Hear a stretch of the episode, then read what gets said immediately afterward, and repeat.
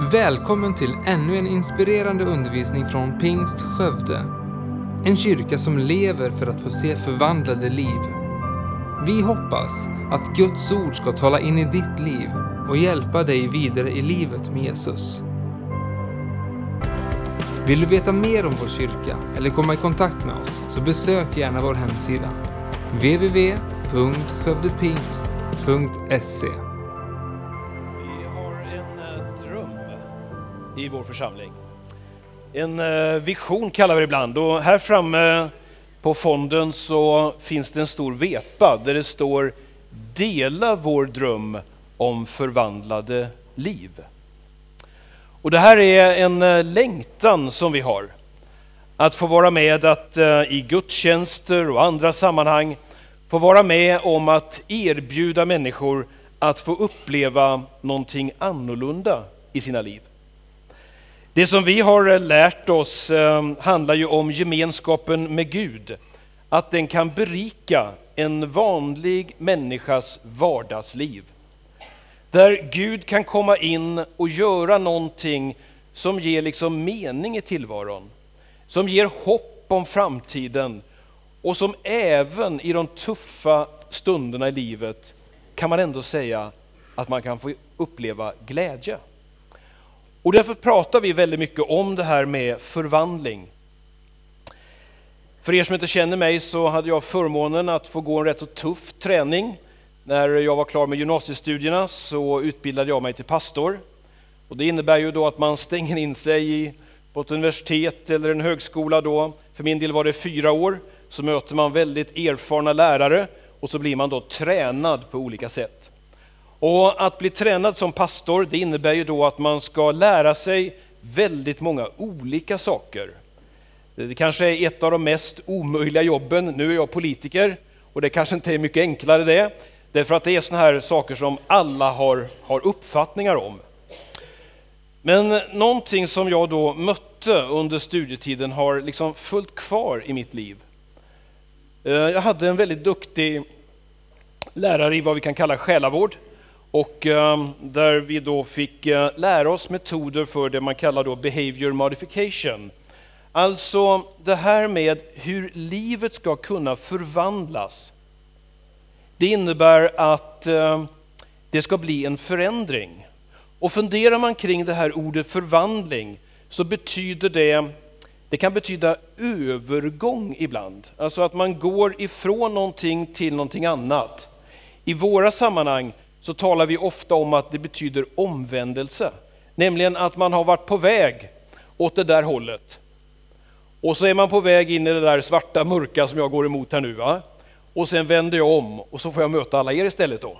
Alltså man får uppleva någonting annat i livet. Omvändelse. Man får vara med om en, en förändring.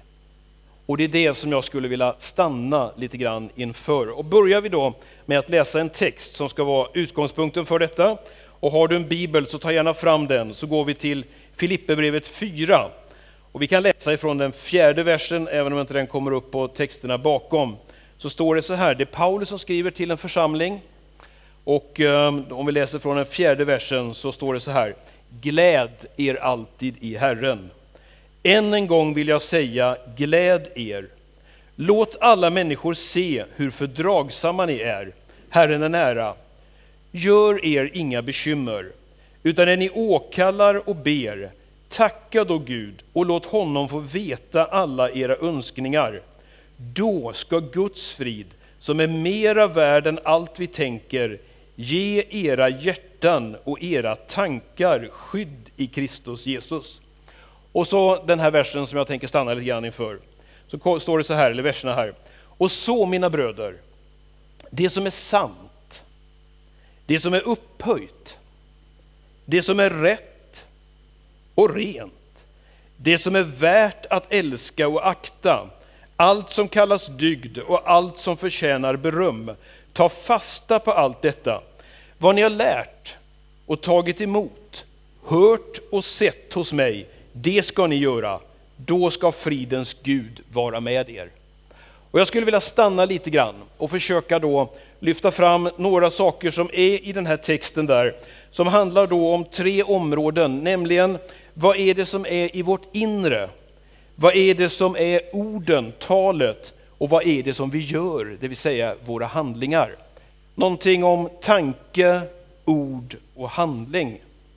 Och jag tänkte jag ska göra en illustration och när ni har sett den illustrationen så det räcker nästan. Agneta, kan inte du komma fram? Får jag använda dig som lite illustration här? Därför att det är lite skillnad på det där vad vi tänker, vad vi säger och vad vi gör. Det här är min första punkt nu, våra tankar. Det var punkt ett. Sen punkt två, det är mina ord. Agneta, jag tycker verkligen om dig. Jag uppskattar dig. Du är en sån inspiration och jag, jag tycker det är så roligt att ha dig och jag är så tacksam för allt du har gjort. Allt det du är och det du står för. Det var punkt två. Det tredje då, det här med handlingar. Agneta. Tack.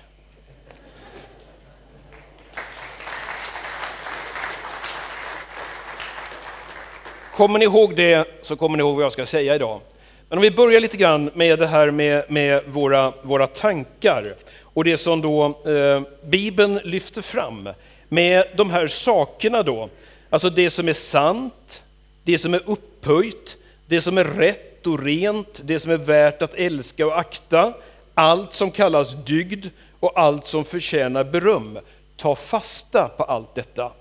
Alltså uppmaningen i Bibeln, den är gång på gång att vi ska vara noga med vad det är som vi liksom har här inne och vad det är som fyller våra sinnen. Och det ska vi ta fasta på. Och de här egenskaperna, de här inre karaktärerna, då, de ska då vara någonting som finns liksom inom våra liv. Om vi går till Romarbrevet 12 och 2, eh, där eh, Paulus talar, och det finns ju väldigt mycket bilder i Bibeln om olika saker. Och där, där säger han då att när vi, när vi lever ett vanligt liv så ska vi vara noga kring vad vi anpassar oss till. Och då står det så här i 12 och 2, om du har en bibel med dig, annars så kommer det på, på bildspelet här framme. Och då säger Paulus så här, anpassa er inte efter denna världen, utan låt er förvandlas genom förnyelsen av era tankar, så att ni kan avgöra vad som är Guds vilja, det som är gott behagar honom och är fullkomligt. Vad jag då har lärt mig under tiden efter nu mina studieår som jag började i, det är det att ibland kan förvandlingar ske väldigt snabbt. Och därför kommer vi i slutet av vårt möte också att inbjuda till förbön. Vi har sett det gång på gång, hur människors liv blir förvandlade i ett nu. Men min erfarenhet är också att förvandling sker ofta som en övergång över tid. Och då kan det vara väldigt skönt också att ha med någon person. Och det är därför som vi då kallar oss då pastorer, församlingsledare, äldste, det vill säga herdar, för att vi vill vara med på ett sätt att hjälpa människor att uppnå de här inre kvaliteterna i sina liv. Och därför så, när vi ska förstå då vad som är Guds vilja med våra liv, så säger Bibeln då att vi måste också se till att vi förnyar våra tankar. Och det är ju så att våra tankar styr väldigt mycket av våra beteenden. Och därför det som vi har här inne, det vi säger och det vi gör, allt det här det hänger ihop på några olika sätt. Om vi går till Matteus 22 så blir det många bibelord här idag. Där eh, Paulus talar om det här med eh, kärlek. Och kärlek är väl kanske någonting av det finaste, det vackraste och det dyrbaraste som finns. Och då talar han om kärlek på tre sätt. Och egentligen så var det så att det var några, några av de här så kallade lärda människor, välutbildade människor som hade kommit till Paulus och eh, de ville de liksom pröva honom eller ställa honom på prov som det står här. Och vi läser ifrån Matteus 22. Och då, då står det så här, vi tar hela sammanhanget. När fariseerna fick höra hur han hade gjort saddukeerna svarslösa samlades de och för att sätta honom på prov frågade en av dem, en laglärd, Mästare, vilket är det största budet i lagen? Han svarade, Du ska älska Herren din Gud med hela ditt hjärta och med hela din själ och med hela ditt förstånd. Detta är det största och första budet. Sen kommer ett av samma slag. Du ska älska din nästa som dig själv.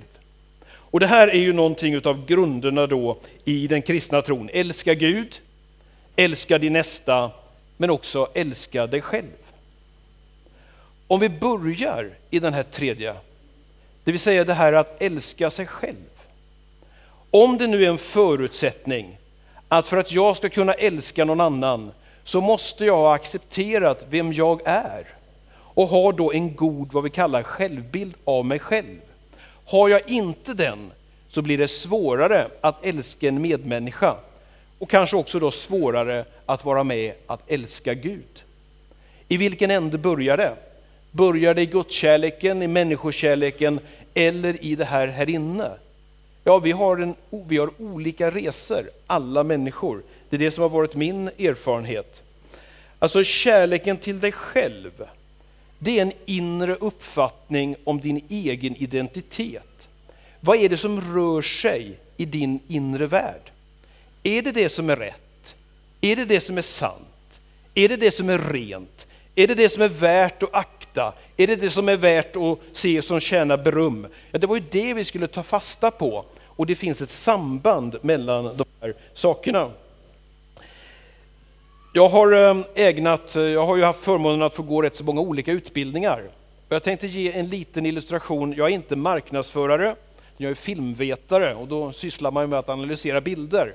Och tittar ni på den här reklambilden som ibland dyker upp, eh, någonting sånt där kan det se ut.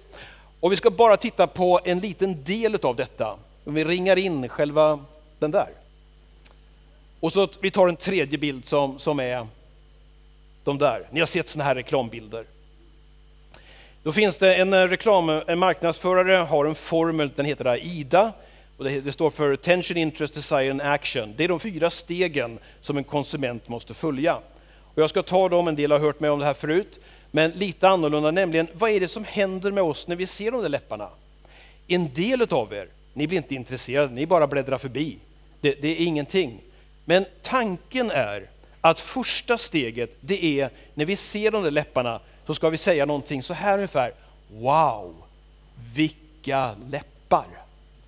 Mm, det där det var läppar det. Om vi gör det, om den tanken kommer in, så blir det väldigt lätt att vi jämför de läpparna med några andra läppar. Vilka läppar. Om du går på marknadsförarens knep så kommer det tredje steget, nämligen en näring här inne, en tanke. Och kan den tanken komma in hos dig? Tänk om mina läppar kunde bli som de där läpparna. Om det, om det blir, så kommer det fjärde steget, nämligen då hur ska mina läppar kunna bli? Och därför så på den där bilden så, så står det ett budskap. Och det där budskapet är köp vårt smink. Därför att det är det som ger lyckan. Om jag köper de där grejerna, då skulle mina läppar kunna vara på det här sättet. Och det där är en tankeprocess som pågår och som driver oss. Men det finns också ett annat budskap som kommer här, nämligen budskapet om mina läppar. Och det här möter massor med människor dagligen, när det bara vräker ur sig olika saker som säger alltså, du duger inte. Allt det du har är förkastligt, du behöver byta det. Och vi lever i ett konsumtionssamhälle när vi ska byta allt det vi har mot något annat. Och allting handlar egentligen om att sälja livsstil, om att sälja lycka, om att sälja meningsfullhet. Men budskapet som vi har, det är ju att vi kraftigt vill kryssa över det där inte. Och så vill ju vi ropa ut, därför att Gud han har lärt oss att du duger. Att du har ett värde. Och alldeles nyss så firade vi påsk. Och påsket och korset, det är ju ett budskap om att du är så värdefull att Guds egen son var beredd att dö för dig. Du duger, du är accepterad Och det är därför som också det är viktigt att du fyller dina inre tankar med sånt då som är positivt. Bibeln den har ett väldigt starkt formspråk. Den har ett bildspråk. Och den talar väldigt ofta om, om det här med kontraster på olika sätt. Och man, när vi pratar om förvandling så är det lätt att man använder begrepp som ljus och mörker, liv och död, himlen och denna världen. Och, eh, jag har ju varit i Brasilien tillsammans med Sören Genefeldt för några veckor sedan. Och jag hoppas någon gång få berätta om det fantastiska som vi upplevde genom det arbete som vår församling har varit med när det gäller Nils och Mary Taranger. Och jag håller på att skriva lite grann som en reserapport kring det och då läste jag den här boken som Sören gav mig, som är en reportagebok om Nils och Marys arbete. Eh, och eh, nu ska inte jag säga så mycket om, om Brasilien, men det var nämligen när, när Mary som ung person Eh, förstod det att eh, hon ville gå djupare i sitt andliga liv. Hon ville vara med om det här förvandling. Så är hon ett möte och en del känner till sådana namn. Hon är i Örebro, Einar Ekberg och Karl-Erik Svedlund medverkade. Och då fattade Mary ett konkret beslut. Hon gick till församlingens pastor som var Gustav Robert efter mötet och sa, jag vill bli döpt. Pastor Robert var mycket sträv till sin natur och han svarade, vad är du för en? Sannerligen inte så enkelt att bara komma och säga att man vill bli döpt. Du får lämna namn och adress så kommer ett par av äldstebröderna och hälsar på för att samtala med dig. Det lät besvärligt. Men hon lämnade namn och adress och, blev, och dag blev bestämd. Mary blev mer och mer nervös när dagen för besöket närmade sig och tänkte, jag undrar om det kan vara värre än att ta nattvarden. Dagen kom och med den äldstebröderna. De tog allt mycket högtidligt och ställde frågor till henne som till exempel, är du beredd att avsäga dig världen? Den där meningen har jag gått och grunnat på sedan jag läste det. Alltså, är du beredd att avsäga dig världen?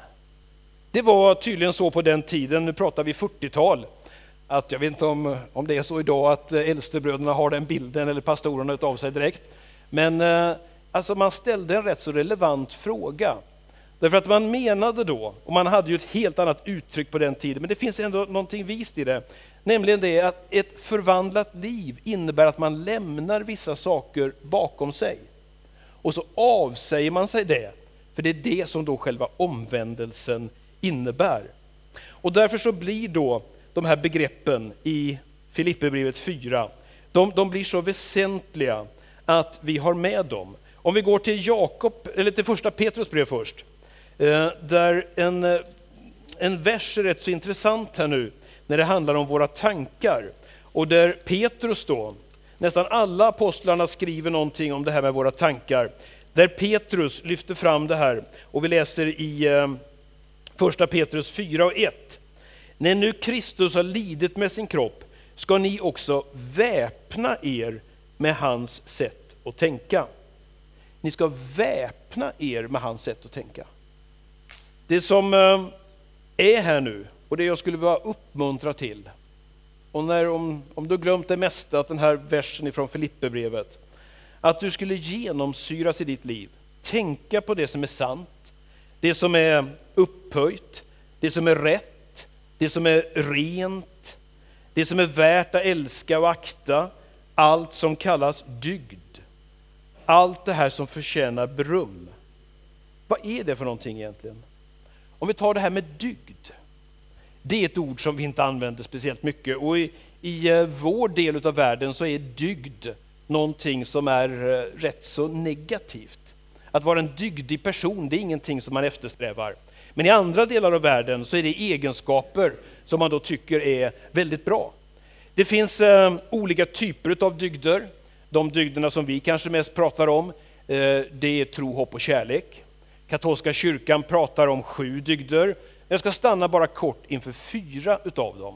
Som Paulus då, som ju är tränad i, i den antika världen, där han då talar om de här fyra olika typerna utav dygder. Nu hinner vi inte gå igenom dem.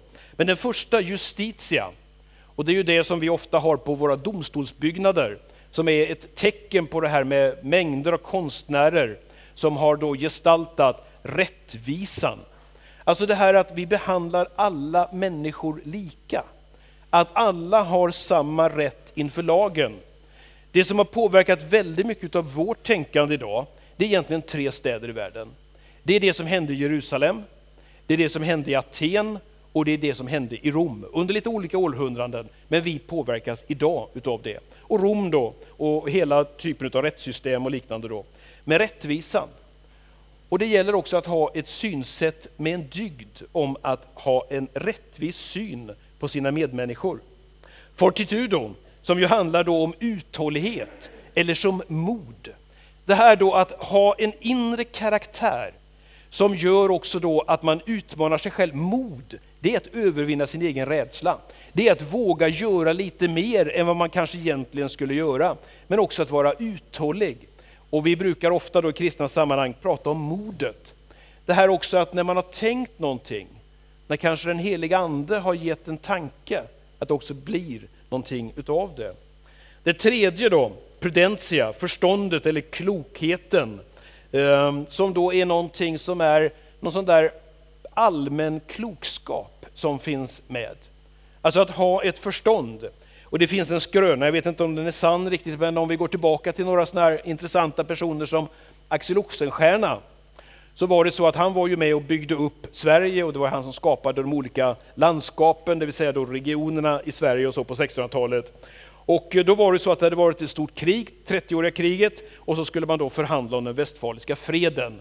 Och då hade inte eh, Axel Oxenstierna möjligheten att åka dit Eh, och eh, förhandla, utan han fick skicka sin son. Och då säger sonen så här, liksom, men pappa, hur ska jag kunna göra det? åka dit och förhandla efter 30 års fred. Och då säger då Axel Oxenstierna, och han lär ha sagt det här på latin, och då sa han så här, vet du inte min son med hur lite förstånd världen styrs? Fundera på den. Alltså vad är det för förstånd, vad är det för klokskap idag som driver människor? Är det så att man gör det för de andras bästa eller för sitt eget bästa? Vad är det för drivkrafter inom oss? Och det fjärde nu då, temperantia, alltså måttfullhet. Och det är kanske den som vi har haft mest negativt, för den är ju motsats till last, till lust. Och en del de har ju sagt det att eh, det enda som innebär ett förvandlat liv, det är en massa förbudsregler. Men så är det ju inte. Utan det är ju snarare så att det mesta blir tillåtet. Och vi får lite vägledning till senare om det här. Men de här fyra dygderna, de kallar vi för kardinaldygder. Och kardinal, det kommer från ordet kardios. Och kardios, det är, nu kan inte jag visa här, men en dörr hänger ju på gångjärn. Och man liksom hänger ju upp dörren och det, den yta som dörren hänger på är inte speciellt stor, men den är ändå bärande och styrande för dörren. Och så är tänkt med de här egenskaperna, att om vi fyller våra inre sinnen och hänger upp våra liv på dem, så kommer det också att bli lättare att leva. Och det är själva grunden med de här olika sakerna då. Fundera på vad det är som du fyller ditt inre med. Och så går vi över till den andra punkten då, det här med våra ord. För det finns ett samband mellan det som är inre och det som är det yttre. Ord är skapande och det finns en enorm kraft i vad vi säger. En del utav er kan minnas ett samtal som ligger för en del kanske 30-40 år tillbaka. En uppmuntrande lärare i skolan. En förälder som sa något vägledare som man hade nytta av i livet. Och sådana här ord som liksom då ringer kvar och som har blivit vägledande. Orden de har en enorm kraft. Och det vi säger kan också avgöra hur våra medmänniskor mår, hur de uppfattar sig själva och hur de lever. Och Jesus han talar mycket om det här sambandet mellan det inre och det yttre. Och går vi till, eh, till Lukas 4.32 så var det ju så att eh, lärjungarna de, de, eh, de tyckte ju att det var så märkligt med honom för att när han talade så var det något annorlunda än när de andra talade. Och så står det, det att de överväldigades av hans undervisning eftersom det låg makt i hans ord. Alltså orden de trängde in, de trängde igenom på något speciellt sätt. Och i eh, Lukas lite senare, i det sjätte kapitlet, så, så eh, säger också Jesus där sambandet då mellan det som finns här inne. Alltså att en god människa bär fram det som är gott ur sitt hjärta hjärtas goda förråd. Medan då en ond människa eh, blir då motsatsen, bär fram det som är ont ur sitt förråd. För hennes mun säger vad hjärtat är fullt av. Alltså, när vi möter våra medmänniskor så förstår vi efter en stund vad de har fyllt sitt inre med. Vad det är som är här inne, därför att det är det som kommer ut. Och när vi lyssnar på varandra så förstår vi också att den där personen borde fylla på av det goda. Den där personen borde öka sitt förråd av goda saker. För det är så ont, det är så elakt, det är så vast det som kommer ut. Och det beror bara på att den personen har ännu inte förstått undervisningen om att fylla sitt inre med det goda. Och därför finns det då ett samband mellan det här. Alltså de här inre egenskaperna, jag skulle önska att du tar fram din bibel hemma och funderar kring vad de står för, vad, vad det är. Att vara dygdig, det betyder inte att vi ska vara mesig eller tillbakadragen, utan vi ska vara sanna. Och ibland är sanningen smärtsam. Ibland är det inte roligt att höra när någon talar sanning till en. Och ibland känner vi som församlingsledare att det är vår, vårt ansvar, det är vår uppgift att ibland gå och förmana en människa och säga till den människan, vi vill ge dig den här undervisningen, vi vill, vi vill hjälpa dig så att du inte går förlorad, att du inte går miste om livets goda. Och då får man ibland vara lite hård och lite tuff. Det som är rätt. Ska vi bara ta några exempel på det? Alltså om vi fyller oss med det som är rätt, då borde det vara det rätta som också kommer ut. Men väldigt ofta är det när vi gör fel som vi pratar om. Ta det här med om du har kört till jobbet en helt vanlig dag och så har du kört lite för fort. Och så har polisen varit där och så har du fått böter. Det berättar du för nästan alla antagligen. Hur hemskt det var, hur du tyckte du var oskyldig för du hade ju så bråttom och hur du hade pratat med polisen. Du kan hålla på jättelänge och prata om det som var fel.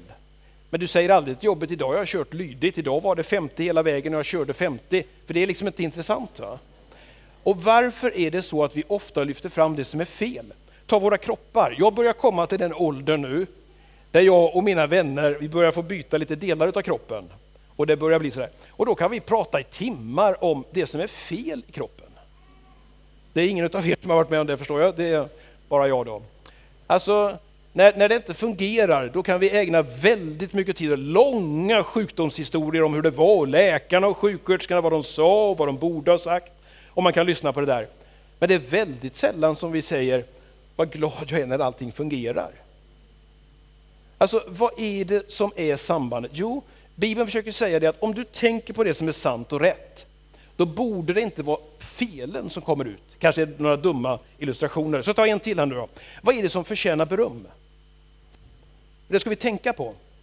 Om jag använder min fru då som, som illustration här nu. Va? Eh, jag är, har förmånen att få vara gift med en fantastisk kvinna som kommer från en annan kultur. Som flyttade till Sverige, kommer från ett land på andra sidan världen. De tänker annorlunda, lever annorlunda och så skulle hon komma hit till Sverige och kunde ju då inte svenska. Och det är oftast lättare när man ska prata med någon. Och det var så här, nu går vi tillbaka till 70-tal, 80-tal. Då var det också så att det fanns någonting, det gillade jag i Sverige, då blev man hembjuden till folk. Kommer ni ihåg det? Det har man nästan slutat med nu. Och, och, då kunde det vara så här efter en söndag förmiddag så här att någon sa till oss så här, kan inte ni följa med hem på middag? Och det tyckte vi var jätteroligt. Och så är vi där då. Och så Margaret har inte så många ord. Och så äter vi en middag, helt vanlig söndagmiddag. Och då säger Margaret, tack för maten, den var så god. Ofta var det en kvinna som hade lagat maten. Det är inte alltid så, men ofta. Och då sa kvinnan så här, asch, det var så lite. Nej, då säger Margaret, maten var god. Och liksom tydligt så att det inte skulle vara någonting med språket då.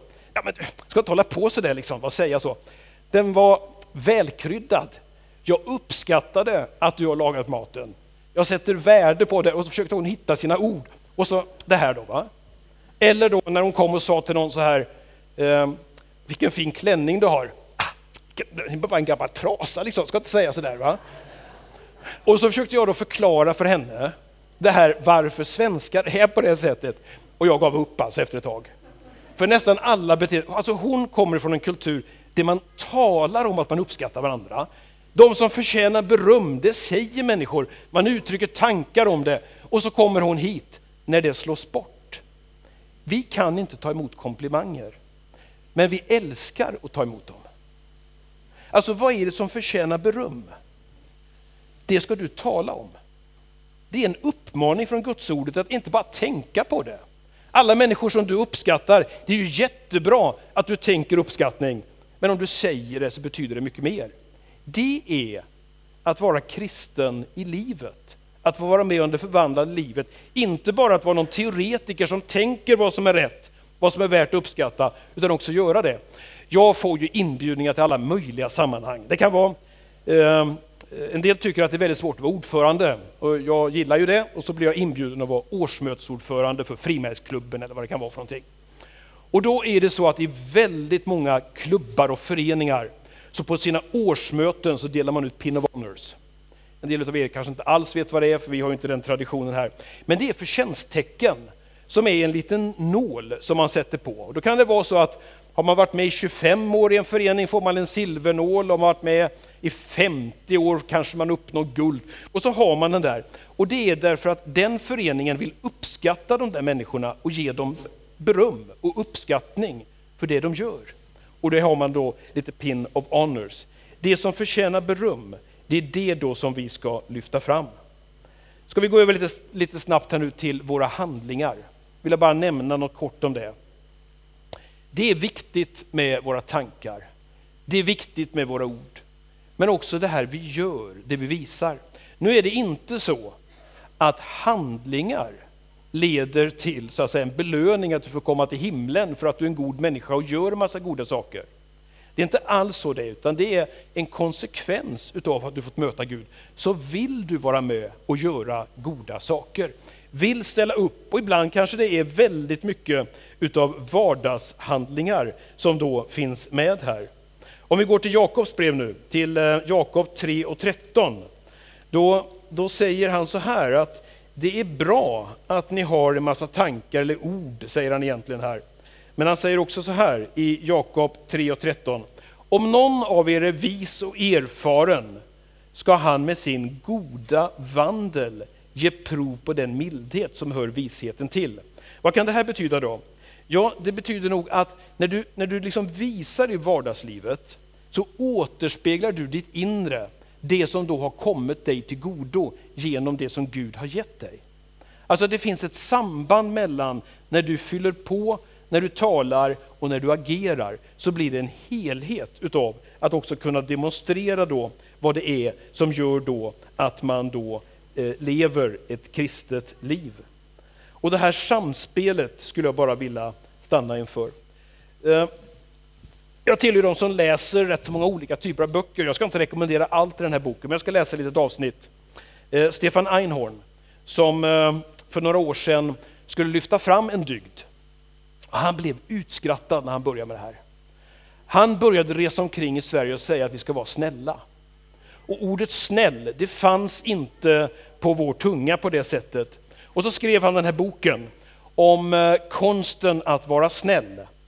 Och där han försöker då resonera, jag håller inte med om allt det han säger, men, men eh, han, eh, han säger då ungefär så här att, eh, vi, tar, vi, kommer in mitt i ett, i ett sammanhang här nu.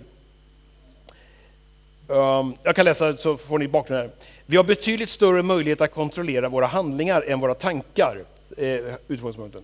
Beslutet att utföra en god gärning är vårt. Och motivet bakom handlingen är inte det viktigaste, hävdar han alltså. Det som räknas till slut är vad vi gör. Till ditt födelsedagskalas kommer en vän som har ett drag av snålhet. Med en ynklig liten present, en sak som du till råga på eländet redan har.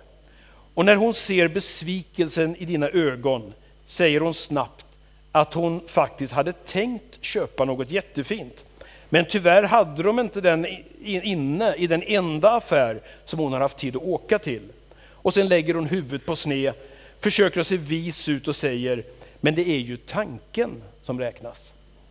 Och då säger Stefan Aino, det är hans huvudtes, det är inte tanken som räknas. Jag blir lika förvånad varje gång jag hör uttrycket. Människor avstår från att hjälpa varandra och hävdar sedan att de hade tänkt att göra gott, men så kom något emellan. Det spelar ingen roll om det handlar om inställda möten, familjens hushållskassa som man har tänkt bättre på, men istället förlorar på spel, en barnuppfostringsstrategi som misslyckats eller födelsedagspresenter som inte hunnit inköpas. Gå inte på det, för det är inte tanken som räknas, det är handlingen. Och det är själva tesen i den här boken. Det är ju bra att vi tänker goda saker. Det är bra att vi säger goda saker, men också det här att vi då handlar och att vi gör goda saker. Det kan vara så att det till och med finns felaktiga motiv bakom en del vi gör. Om vi tar fram Jonathan till eh, det som Thomas av Aquino, då går vi tillbaka till en av tänkarna från 1200-talet. Då ställde han upp några kontrollfrågor kring det här och sa så här, först måste vi fundera kring, är handlingen i sig god? Utförs den med rätt intention? Och är omständigheterna de rätta? Och det, kan ju, det kan ju låta väldigt konstigt som de här frågorna. Men han ex det också, och så säger han så här, om det handlar om att ge någon ett äpple, så kan man använda det här om handlingen då. Va? Säg att en person ska ge en annan person ett äpple. Och då frågar han först så här då, Eh, är, det, är det en god handling att ge någon ett äpple? Ja, det kan vi väl säga att det är. Det är väl, det är väl en god handling. Så då kan vi säga att då, då checkar vi ettan där. Handlingen då, den, den är god i sig. Utförs den med rätt intention? Ja, nu är det så att eh, om jag vet att det här äpplet ger jag till någon som är superallergisk mot äpplen. Så, så då säger Thomas Aquino, man, man, kan inte bara fråga om det var bra att ge ett äpple, man måste också se liksom då, vad är, vad är avsikten, intentionen med den? För är det så att den här personen kommer att dö, då var det ju inte rätt intention. Och sen säger han också då att utöver detta måste vi också tänka i omständigheterna de rätta. Och då är det så här att om jag har knyckt äpplet, så jag har, jag har helt enkelt stulit det här äpplet från någon och sen delar jag med mig. Så kanske handlingen i sig, och så säger han så här, och han är alltså levde 1200-talet och är ju en av dem som talade väldigt mycket om dygder. Det gäller nog att vi tänker också igenom intentionen, avsikten. Och Jesus säger så här i Matteus 6 och 16, när ni fastar, se då inte dystra ut som hycklarna som vanställer sitt utseende för att människorna ska se att de fastar. Sannerligen, de har redan fått ut sin lön. Alltså till och med någon religiös aktivitet som verkar väldigt eftersträvansvärd och värd att, att uppskatta, någon som förtjänar beröm, kan ändå vara fel om man inte har hjärtat på rätt ställe. Alltså utöva inte en religiös sak för att du ska bli sedd. Intentionen. Och tar vi en vers till, så Matteus 12. Där står det att Jesus han satte sig och gjorde en liten studie jag utgår i alla fall att det var det han gjorde. I Matteus 12 och 41. Han satte sig mitt för tempelkistan och såg hur folk ner pengar i den. Många rika gav mycket. Kan vi stanna där bara? Hur kunde han se det? Antagligen var det så att de, de demonstrerade nästan så lite överdrivet. Se här är jag, den gode. Jag lägger väldigt, väldigt mycket. Och så, och så kunde Jesus då under sin studie se det där beteendet hur de gjorde det inför de andra. Och så sitter han kvar, så kommer en kvinna. Då kallar han till sig sina lärjungar och så säger han då, den här fattiga kvinnan, hon har lagt ner två kopparslantar, alltså bara några ören.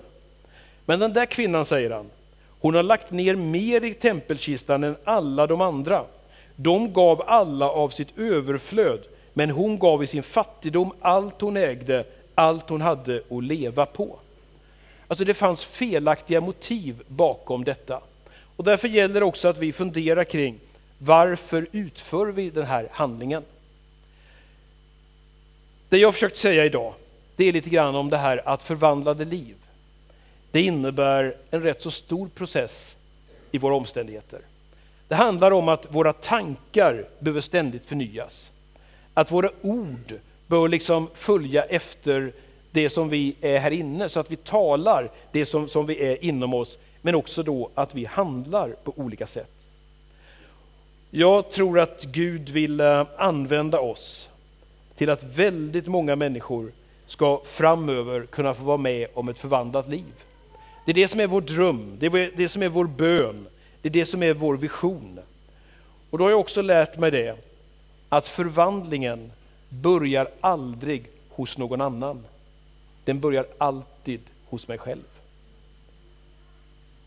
Och därför skulle jag vilja uppmana dig idag, att om det är så att dina tankar inte är de rena tankarna, om dina tankar är de osanna, om de som är negativa, jag skulle uppmana dig att söka hjälp.